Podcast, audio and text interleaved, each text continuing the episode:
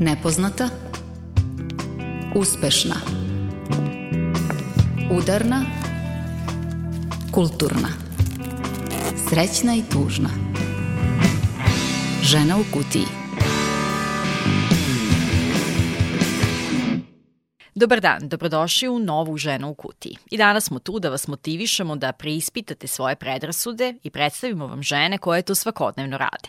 Ja sam Tamara Sremac, a ton majstor današnje emisije je Dalibor Vidović. Evo koje su nam teme u fokusu.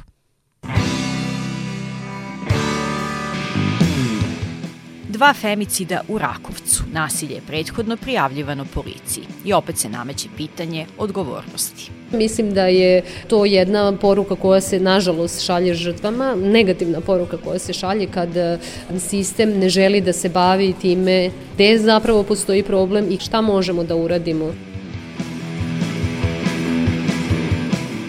Feminizam je za svakoga. To poručuju kreatorke istoimene stranice na Instagramu i blogu. Feminizam je za mene toliko neko zdravorazumska ideja. Kada ga suštinski razumemo, apsolutno je meni logično da svi možemo da se poistovetimo s jednim društveno-političkim pokretom da želimo ravnopravno društvo u svakom smislu. Jason Momoa koji glumi Aquamena i Antonio Banderas koji, što bi rekla moja mama, važa za frajere, ovaj, su feministi, tako da smatram da ne postoji to neko lice koje označava feminizam, da svako ko se zalaže za ukidanje patrijarhata i za rodnu ravnopravnost je feminista i feminiskinja.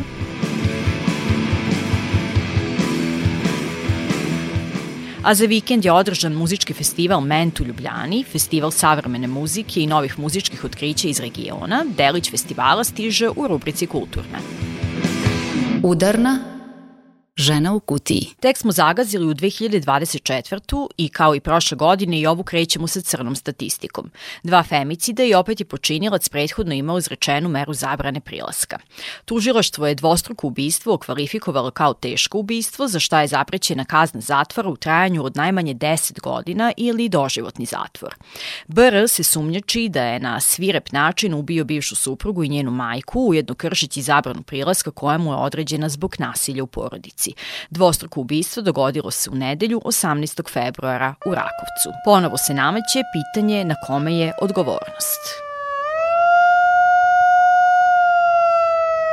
Aktivistička grupa Žene za promenu organizovala je u Novom Sadu akciju povodom dvostrukog femicida. Protest je počeo na trgu Slobode sirenama, a potom je održan minut ćutanja.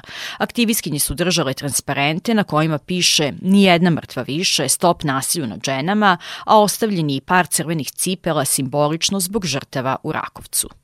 U 2023. godini dogodilo 28 femicida ubistava žena u porodičnom i partnerskom nasilju.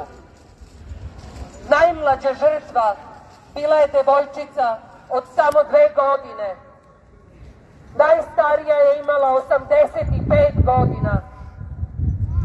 Ubili su ih muževi, sadašnji i bivši partneri, očevi, sinovi, unuci, rođaci. Prema rečima organizatorki, cilj protesta jeste da se skrene pažnja institucijama da je femicid sistemski problem i da mere zabrane prilaska nisu dovoljne.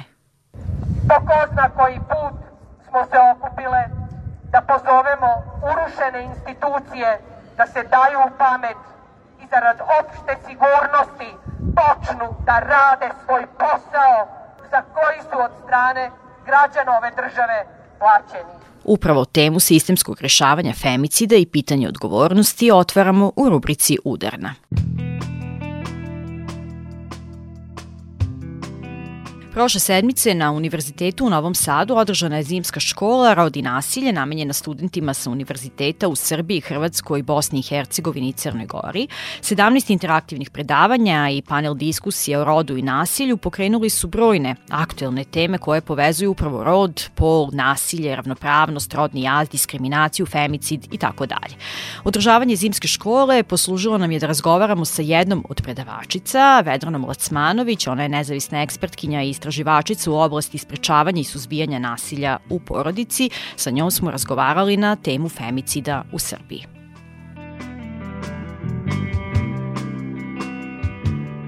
Da li možemo reći na kome je odgovornost u ovakvim situacijama i zašto nekako iznova kao država i društvo dolazimo u tu situaciju, da se izreknu neke mere i da se završi na način kako se završilo? Uh, pa ja bih rekla da zapravo su te mere negde samo, da tako kažemo, gašenje vatre. Sad pitanje, ja nisam ovaj, uspela da vidim da li se tu radi dakle o merama koje su izrečene prema uh, zakonu o sprečavanju nasilja u porodici ili su to mere iz krivičnog zakonika, uh, zato što mi imamo jel, po različitim uh, zakonima tri ili četiri vrste različitih mera od hitnih, mera zaštite, mera bezbednosti i tako dalje. U svakom slučaju ono što je osnovno pitanje u ovom slučaju je kako je izvršena procena rizika, da li je ta procena rizika pokazala da je visok stepen ili nizak ili srednji i onda u odnosu na te procenjene rizike da li su primenjene mere koje su dovoljne da nasilje zaustave i spreče.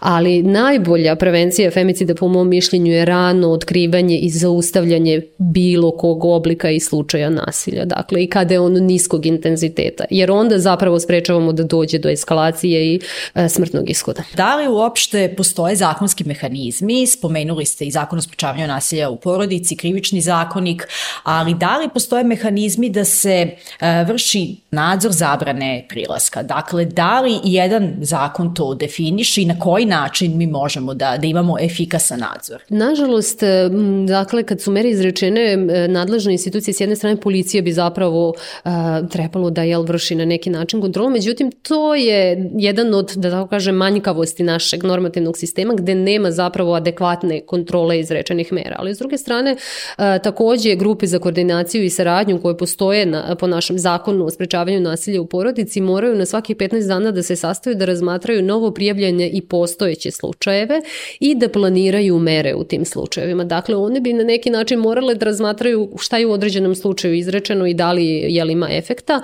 Međutim, to nije dovoljno za neku vrstu mera. Naprimer, u zemljama kao što je Španija ili Francuska postoje e, dodatne, da tako kažem, mere koje pomažu policiji. Na primjer, u Španiji postoje takozvane narukvice, dok, na primjer, u Francuskoj policija daje telefon žene koja je direktno povezana sa policijom i kada ona pritisne određeno, e, tako kažem, dugme, automatski se policiji šalje poruka i e, oni u roku od 5 minuta moraju da se nađu na licu mesta. Kolege e, iz Francuske kažu da je to dosta pomoglo u sprečavanju femicida, ali sad kažem mi takve mehanizme nemamo, tako da ne znamo kako bi oni u našem kontekstu funkcionisali. To je zapravo taj prostor kada govorimo o unapređenju tog normativnog okvira prostor za napredak, na to mislim. Da, kada je, kada je reč o generalno jelo, e, kontroli izrečenih mera, tu postoji jel, e, mogućnost za unapređenje, odnosno otvoren prostor, ali s druge strane ja bih naglasila da Srbija ima i, e, dosta dobar normativni okvir kad je u pitanju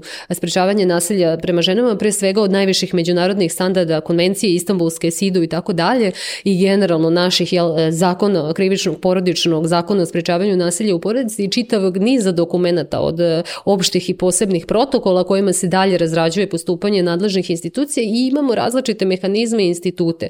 Međutim, e, kao što sam rekla, te mere negde dolaze na kraju, a e, pitanje je zašto jel, ove, ove koje su preventivne mere, zašto one jel, ne, ne rade bolje, zašto nisu efektivnije da bismo mi mogli da, da sprečimo da uopšte eskalira do tog nivoa da do ubistva doće. Da li nam je potreban femicid kao posebno krivično delo? Znam da se određene ženske ženske organizacije zalažu za to, poput Femplaca, onda imamo i aktivistkinje za ženska prava i iz autonomnog ženskog centra koji kažu da to ne bi možda baš bilo najbolje rešenje. Dakle, da li nam je potrebno, zašto, jeste ili nije?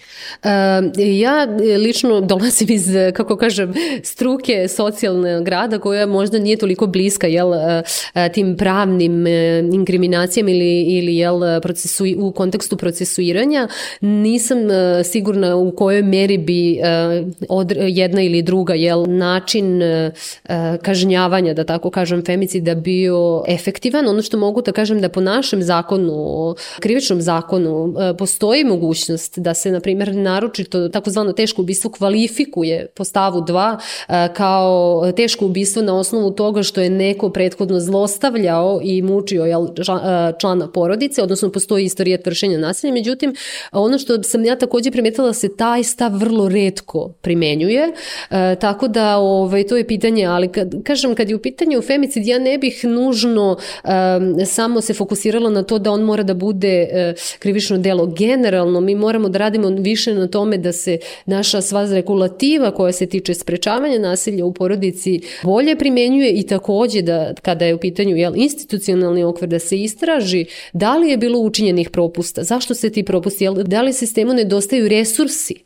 koji resursi sistema nedostaju da se nasilje spreči? Da li su sa to edukacije, da li su to neki instrumenti i gde nedostaju ti resursi? Da li je to sad broj profesionalista, tako dalje? Jer obično kad se ubistvo desi i kada se podegne to pitanje, jel, ko je odgovoran, zašto ovo nije sprečeno i ako je bilo ovaj, prijavljivano nadležnim institucijama, onda a, profesionalci koji rade često govor, mi smo uradili sve što je bilo u našoj moći, u našoj nadležnosti i tako dalje, ali nama se opet ti slučajevi dešavaju. 2016. godine zaštitnik građana postupajući po um, apelima ženskih organizacija utvrdio propuste u 12 od 14 analiziranih slučajeva, uputio preporuke za unapređenje jel, postupanja institucije mislim da je, da je jedan od mehanizama to da ono što smo već ranije uočili, odnosno, kako kažem, ako smo primijetili da imamo određeni problem u sistemu, hajde onda to da ispravimo. I to je jedan od mehanizama da se femicid jel, adekvatnije sprečava i suzbija.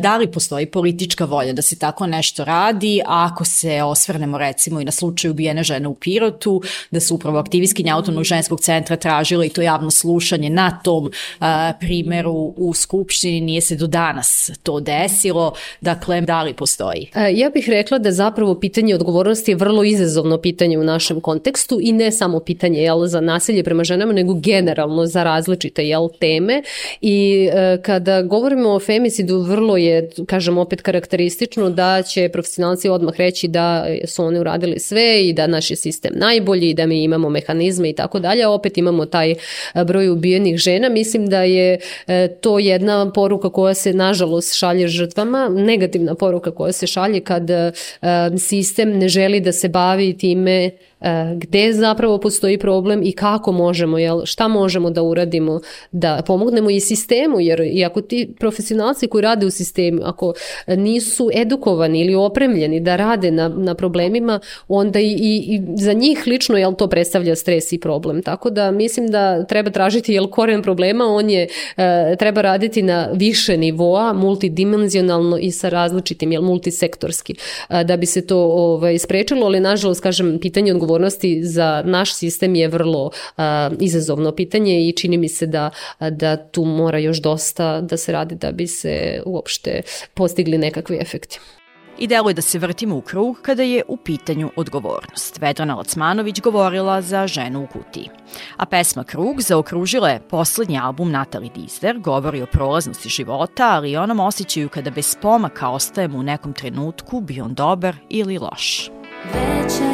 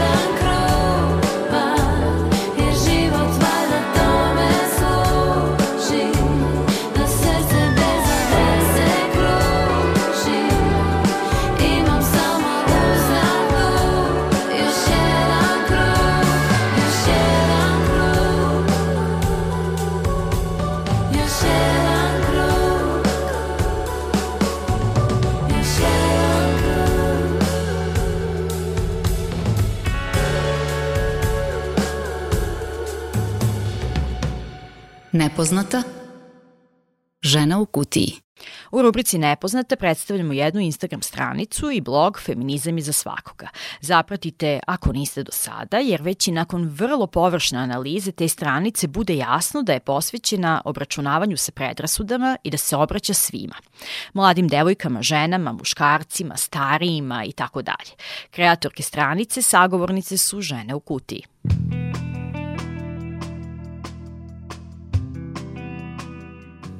Da krenemo od naziva stranice. Zašto feminizam jeste za sve i zašto je važno poslati tu poruku?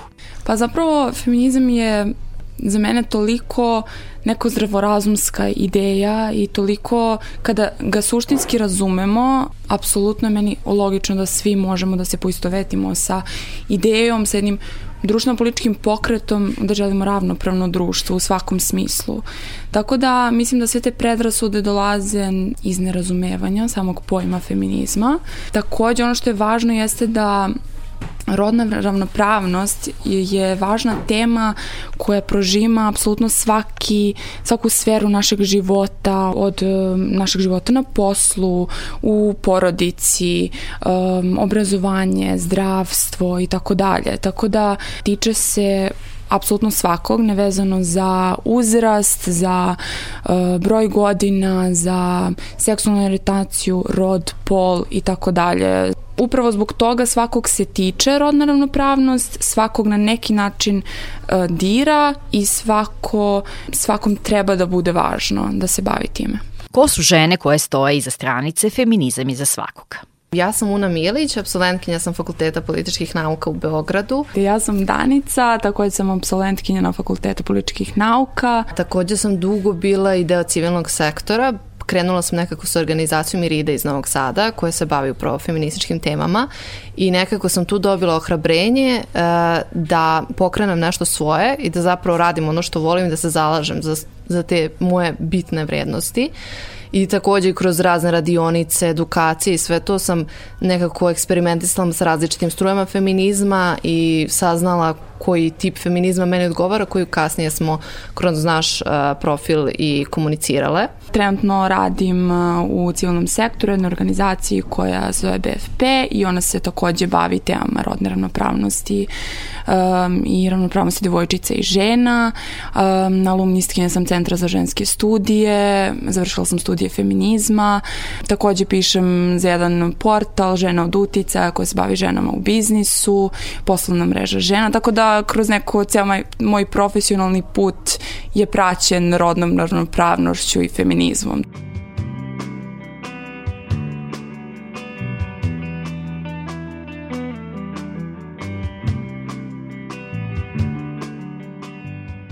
Kada govorimo o društvenim mrežama, naročito o Instagramu, TikToku, vrlo često kritičari koji dolazi iz moje generacije i stari, nekako znamo da kažemo kako je to uprošćavanje svega, kako je najčešće prazan sadržaj koji ne može ništa da ponudi. Vrlo često se to izjednačava sa nečim površnim. Međutim, vaša stranica, a zaista ih ima još takvih, je upravo pokazati da to i nije baš tako u realnosti. Uh, zašto je važno da ne pocenjujemo moć društvenih mreža kada je u pitanju i edukacija, dekonstrukcija predrasuda? Pre svega društvene mreže su kao takve vrednostno neutralne. Onakve su kako ih mi koristimo. Mi im dajemo vrednost. Tu je na nama odgovornost kako ćemo ih koristiti. Mi kreiramo na svoj algoritam, mi biramo sadržaj koji čitamo, gledamo, lajkujemo, šerujemo. Tako da je to na, naša odgovornost. Takođe mislim da je taj narativ da su društvene mreže loše, koji je naročito rasprostranjen među tom um, starijom generacijom, nekako još više stvara taj jaz između nas i njih, između mlađih i starijih, a to zaista nije tako i društvene mreže mogu mnogo da nas povežu, um, mogu biti mnogo korisne ako se koriste na dobar način. Mi, na primer, kroz uh, profil Feminizme za svakoga kreiramo sadržaj koji je i informativan i edukativan, ali uh, takođe to radimo na jedan zabavan i zanimljiv način tako da feminizam kao neku temu možemo da približimo apsolutno svima i svakome. Zapravo vrlo pitko, deluje kao nešto zabavno jeste zabavno, ali se tu plasira zaista ozbiljan sadržaj. Spomenula sam te predrasude na samom početku, pa hajde možda una da spomenemo eto neke predrasude koje ste dekonstruisali kroz stranicu, šta je tebi omiljeno i zašto ti je bilo važno? Pa dosta predrasuda ima vezan, uh, vezano za feminizam i mislim da je tu dosta i veliki problem što mi nismo ni upoznati sa kojim količinom različiti predrasuda se ljudi susreću. Iz nekog mog ličnog iskustva što sam ovaj, gledala da i kroz profil kasnije obradim, jeste na primjer od strane moje porodice gde sam od jednog rođaka dobila komentar da si ti ako si muškarac i ako si feminista ti si sfeminiziran a što je meni onako bilo jako čudno jer mi imamo ceo serijal muškarci feministe gde samo Jason Momoa koji glumi Aquamena i Antonio Banderas koji što bi rekla moja mama važa za frajere ovaj, su feministi, tako da smatram da ne postoji to neko lice koje označava feminizam, da svako ko se zalaže za ukinjenje patrijarhata i za rodnu ravnopravnost je feminista i feministkinja.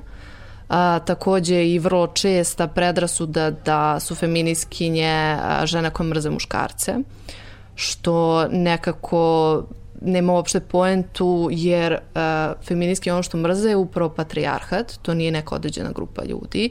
Sad to za, zato što su muškarci ti koji često nose privilegije i koje sebično čuvaju, možda ne žele da na neki način se odupru njima, uh, to je druga stvar, ali to nema nikakve veze sa muškarcima, nego upravo sa, sa tom tradicijom koju želimo da ukinemo na neki način. Kad god mi neko kaže to da feministkinje mrze muškarce, uh, ja samo pomenem kako sam išla u Vrnjačku banju uh, četiri dana na predavanje kako od feministički pokret iz teoriju praksu i do autobuske stanice me vozio tata, ispratio me dečko. I onda sam rekla kako, eto, oni mene kvare rep reputaciju ili ja bi trebalo da mrzim muškarce, što nema bi nikakve veze. Patriarhat je sistem koji tlači sve i samo na specifičan način. Uh, uh, muškarci i žene se suočavaju sa tim rigidnim uh, normama, rodnim ulogama i ukoliko bilo ko, ukoliko malo odskače od tih normi, prosto nije dovoljno dobar za patrijarhat. Baš zato mislim da feminizam jeste i za muškarce. Patrijarhat nije sistem koji njima nužno samo jedino odgovara. Odgovara im ako su u suštini straight beli muškarcima, da je to jako redko i zaista su ti okviri kojima je to prihvatljivo vrlo uski. A s druge strane, e, kao što ona pomenula, muškarci imaju određene privilegije kojih moraju da budu svesni.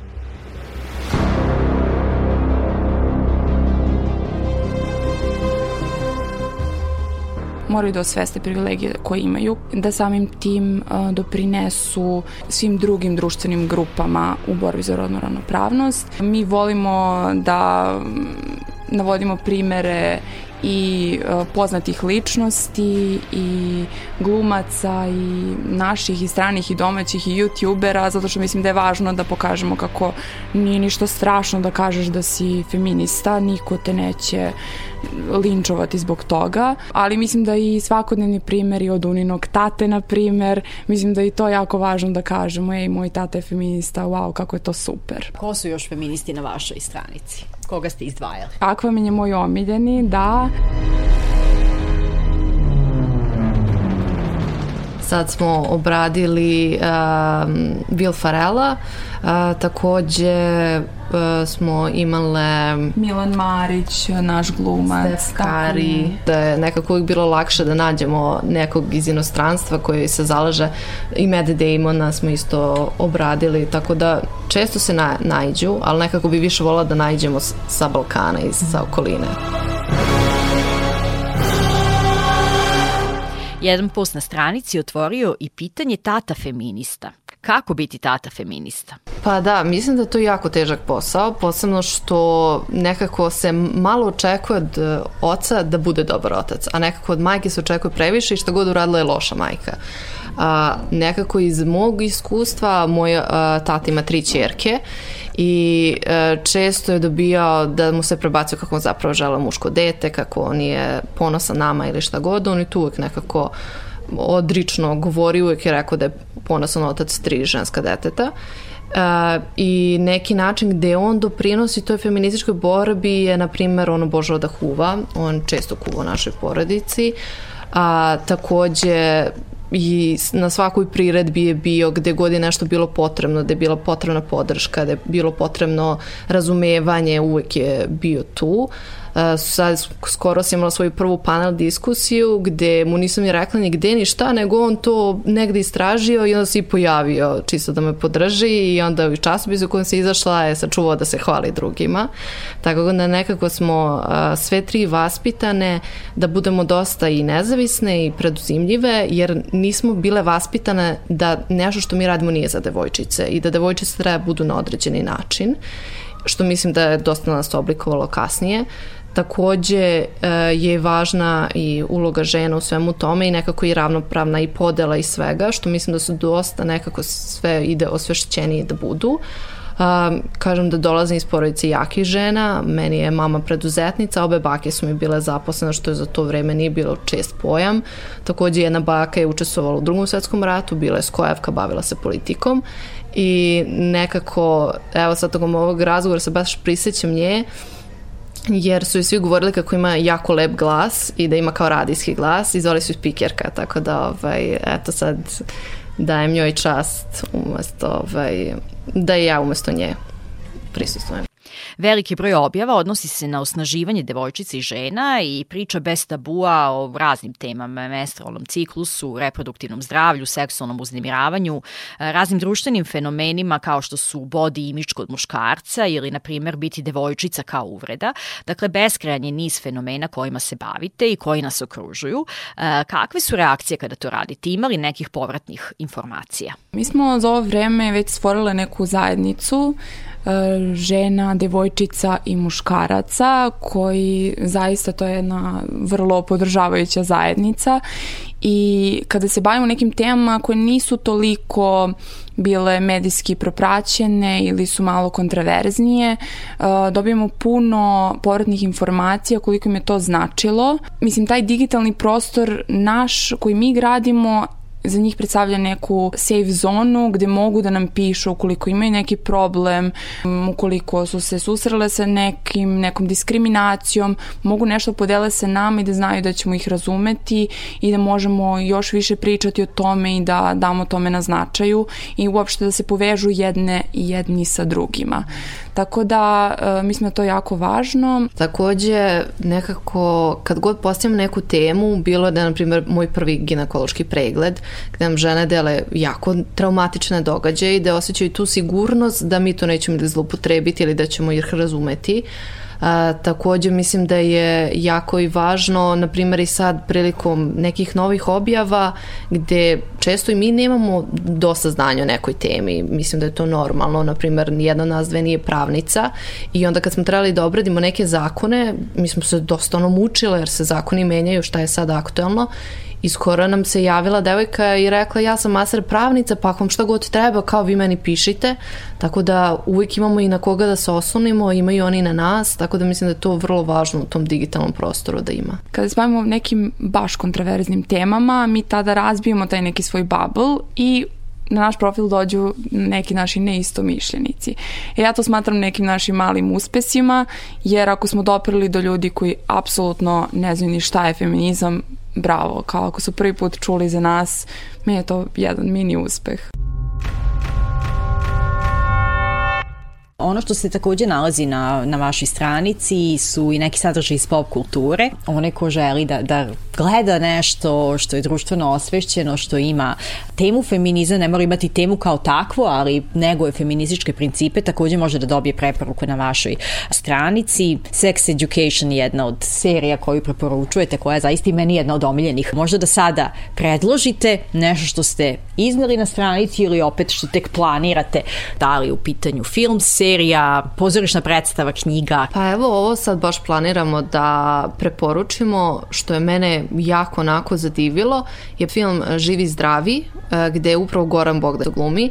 Nekako sam otišla bez ikakvog e, bez ikakvih razmišljanja o čemu se radi. Ja sam mislila da to neka komedija da, da će biti onako lagano štivo ali neću da spojlujem previše, pokazuje upravo kako taj patriarhalni mentalitet uh, vlada u Crnoj Gori i te naše običaje i tradicije, posebno na svadbama, koliko se tu vidi zapravo potlačenost žena. Jedna po meni jaka scena da se dve žene okupe pred kraj i kažu muški neće razumeti naš život i gde ima toliko nekog podržavanja i razumevanja među njima, a opet prikazuju kako to utiče na muškarce i, ovaj, i tako da nije isključeno, a mnogo je, mnogo slojeva i mnogo navodi na razmišljanje, tako da je to moja definitivna preporuka.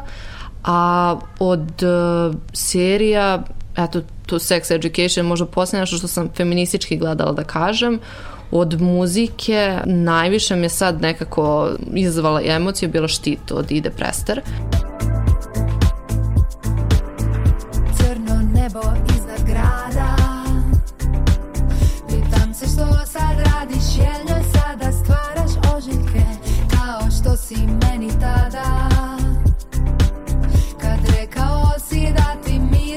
na tuđe dodire Reci mi koji razlog u sezoni Što te trigerira To ne kontinentu orkanskoj cikloni Ostala je sama stižu oblaci Oluja dolazi Napravimo štit od since you wore blood tea.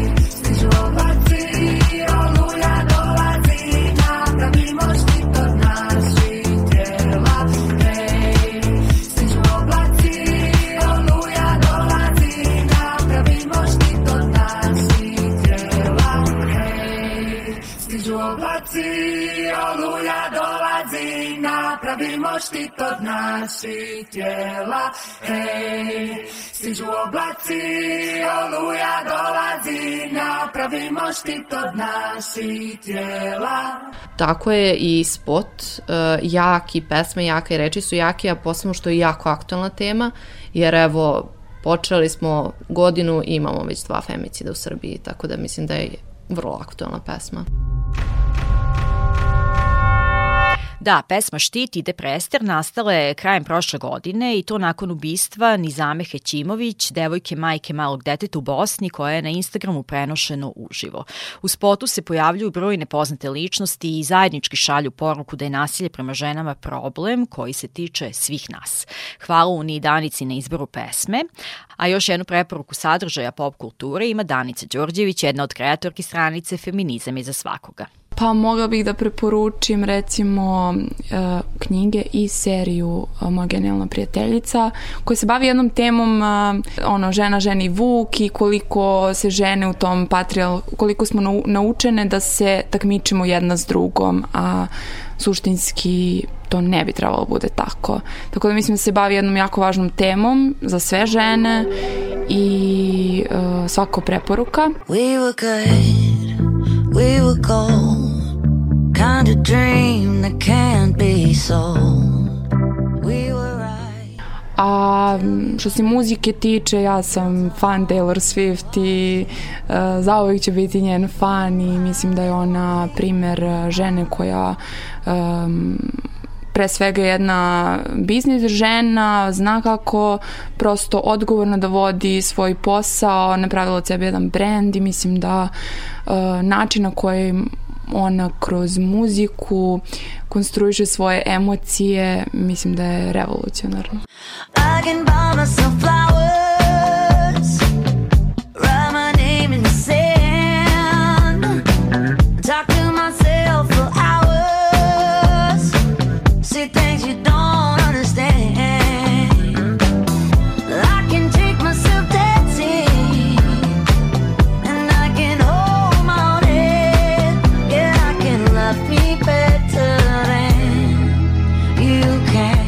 za kraj nešto o čemu ste takođe pisale na stranici Feminizam iza svakoga.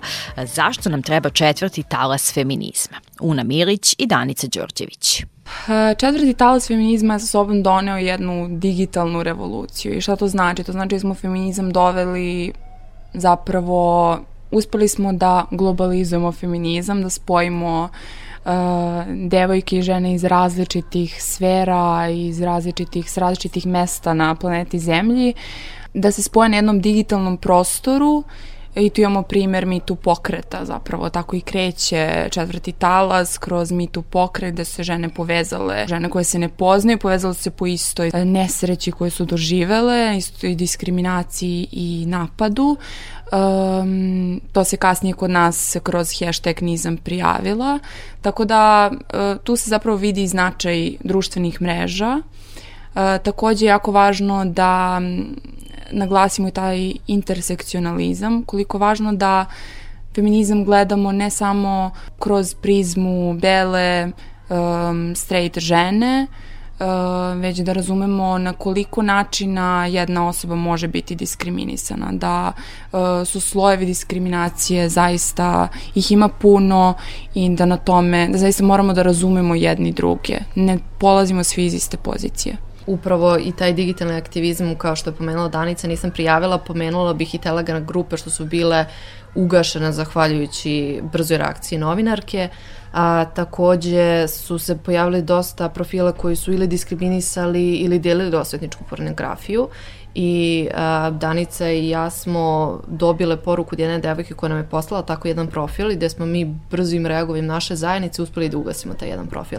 Tako da mislim da je ta digitalna revolucija jako važna za feminizam.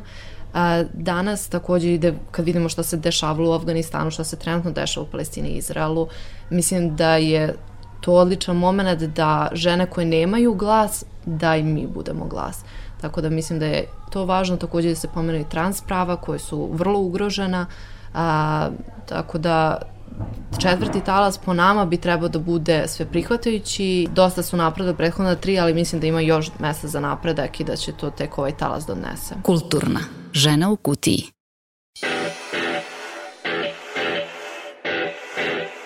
I ove godine prenosimo delić dešavanja sa muzičkog festivala Ment. To je festival savremene muzike i novih muzičkih otkrića iz Slovenije, regiona i šire. Održava se u Ljubljani, a jedno veče je bilo celo posvećeno srpskim bendovima, među njima i bio Beogradski dizelj, a naša Milica Kravićak Samit razgovara sa Aleksom Nedićem iz tog benda. Aleksa, hvala što si izdvojio vreme za uh, emisiju. Ono što me zanima, da li vam je drugačije kad svirate u ne Srbiji, znam da ste bili i UK, to, ali kao u tom smislu postoji frka, trema od publike. Ne, mislim ima kao razlika kad ti znaju pesme i kad ti ne znaju pesme, ali nama je uvijek zabavno, tako da nije, nije, nije.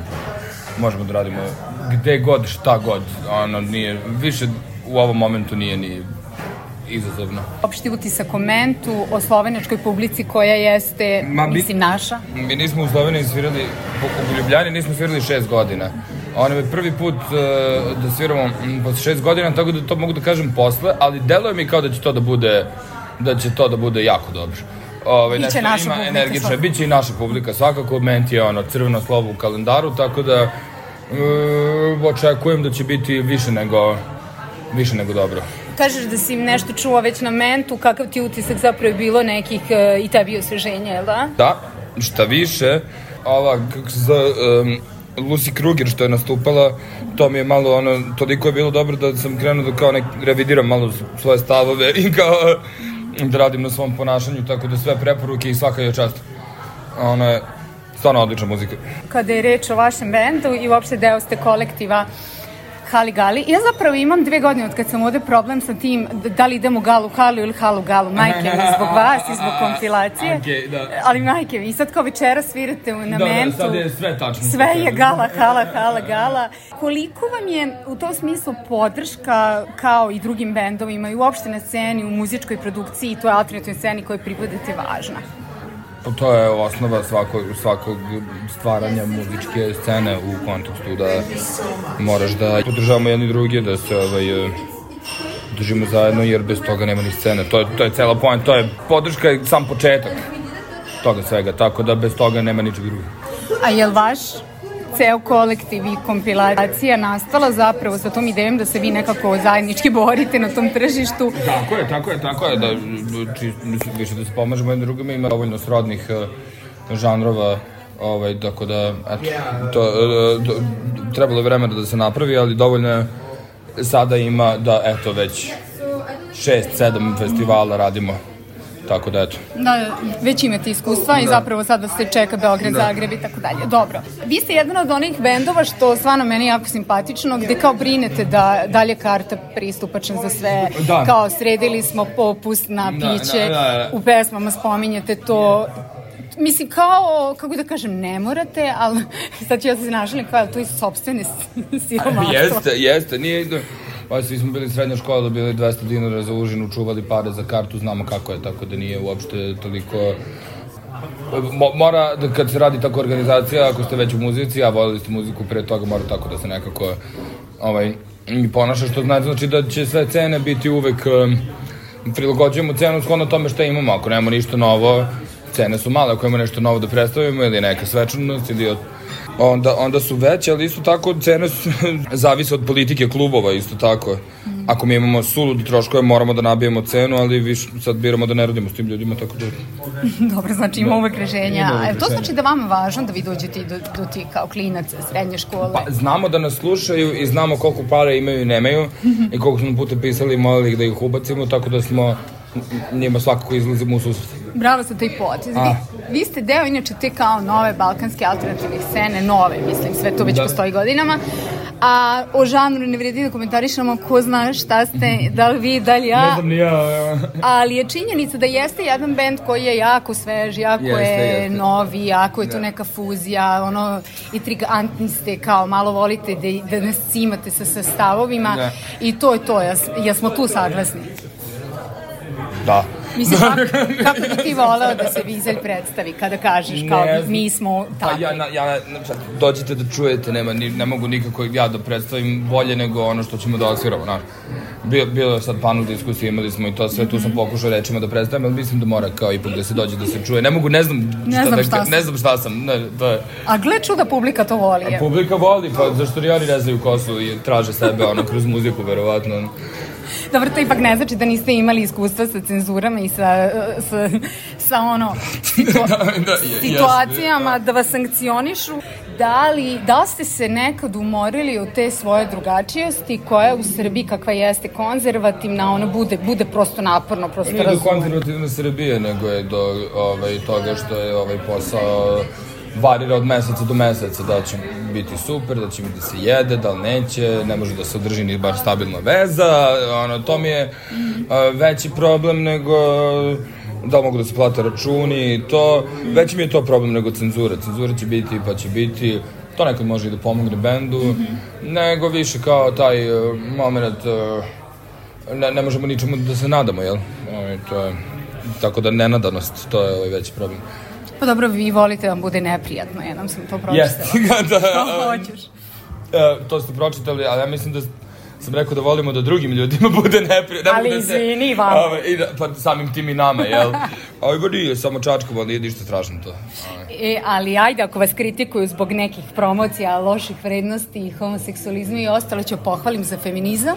I jel volite vašu ubnjorku Jelisavetu? Da. Ili Jelisavetu, kako se akcentu? Jelisavetu, najviše na svetu. Ovaj, najviše na svetu, ne bi je dao ni za koga. Nemojte da, ni da. Nećemo, nećemo, nećemo nikako. I stvarno je važno da vidimo A. zapravo i ženu na sceni. Ozbiljno. Jeste, važno je, bit će ih dosta večeras. Pa bit će ih, misliš, kroz ostale bendove, jel? Da, da, da. Da, zapravo je baš zapravo jako lep izbor. Je vrlo lep izbor i vrlo smo skoro pa ujednačeni, što je uvijek ono, dobro. Što je skoro pa nemoguća misija. Skoro je pa nemoguće, da. E, u jednom intervju ste rekli da je nekako osjećate ova vaša godina, da je to taj pik. Kako, zašto? Uh, mislim da ovaj, ove godine nekako mi deluje da se ljudima slego album, a mi već pravimo nešto novo, novu muziku i mislim da će ova nova muzika da bude baš lepa i da će se dopadne ljudima.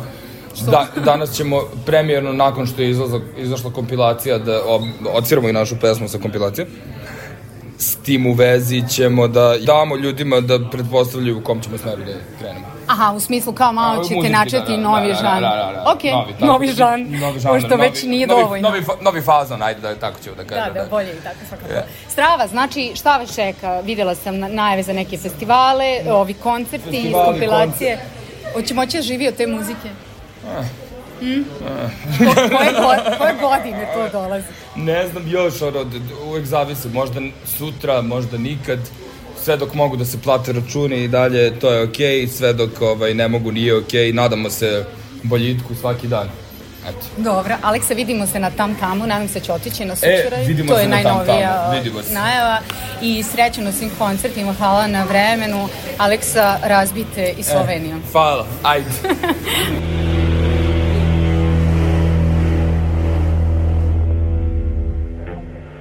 Reperka Nađa iz Srbije takođe je svirala na Mentu. Slušate reperku u razgovoru sa našom Milicom. E, Nađa, ono što sam ja videla zapravo e, u nekim najavama o tebi i tvojoj muzici, da ti jesi osveženje u, u dva pravca. Jedno što si žena, drugo što si u tom žanru hip-hopa i rap muzike.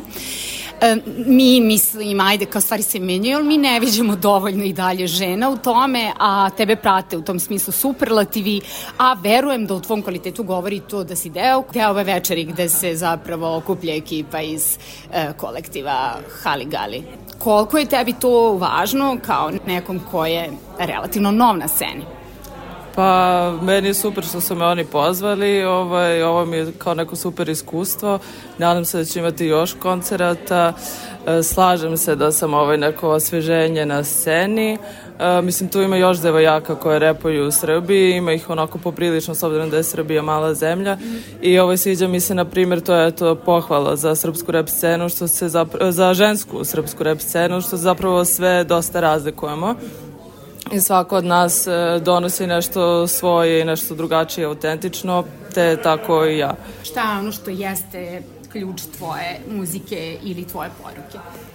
Pa evo ono što je meni najzanimljivije u mojoj muzici jeste zapravo e, novi zvuk koji sam ja dovela u rep, dakle to su ti neki malo e, bujon ritmovi, a takođe ovaj, znam da repujem i preko e, nekih tehno matrica ili elektronske muzike, tako da mislim da taj zvuk koji ja donosim, koji radi moj producent Gudri, ovaj je nov, a takođe i mislim moji tekstovi koji su onako baš direktni i beskompromisni. Šta je ono što tebi kao trenutno smeta na sceni, tebi iz te pozicije autorke, izvođačice u svetu repa? To što je nekako postalo sve isto, ali to je za ženski rep ipak drugačije. To više vidim u muškom, na primjer, repu, da ima dosta repera koji nekako repuju isto. Mislim, sad ispada da ih blatim, ali stvarno, ovaj, e, na primjer, u poređenju sa ženskim repom, mislim da žene stvarno imaju e, neke različite načine repovanja i da je dosta drugačije. Tako da mi to smeta, ovaj, voljela bi da svi krenu malo da budu autentičniji, Takođe mi se meta što svi moraju uvek da budu cool u svojim pesmama. Ja mislim da je dobra pesma ako dozvoliš sebi da se malo izblamiraš i da izađeš iz svoje neke zone komfora i da stvarno daš ovaj sebe u toj pesmi, a da ne budeš stalno u toj nekoj kao kocki moram da budem cool i svi moraju da misle za mene da sam cool. Što je onda u stvari ultra očekivano. Kad kažeš izblamiraš, na, na šta tačno misliš? Šta bi bio blam u tom smislu? E, Pa da kažeš nešto što možda neko drugi ne bi rekao, da dozvoliš sebi tu slobodu, da kažeš nešto što te možda i sramote da kažeš, ali zarad umetnosti znaš da je bitno da to izgovoriš.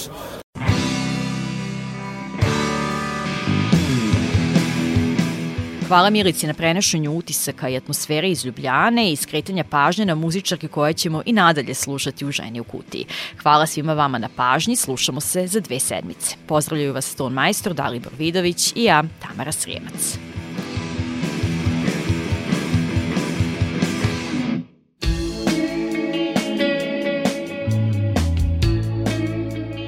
Nadovezujemo se na poslednju priču i šaljemo muzički pozdrav u duhu festivala Ment. Slušate pop trio iz Hrvatske žen koji je takođe svirao u Ljubljani ovaj vikend i njihovu pesmu Uroni u san. Udahni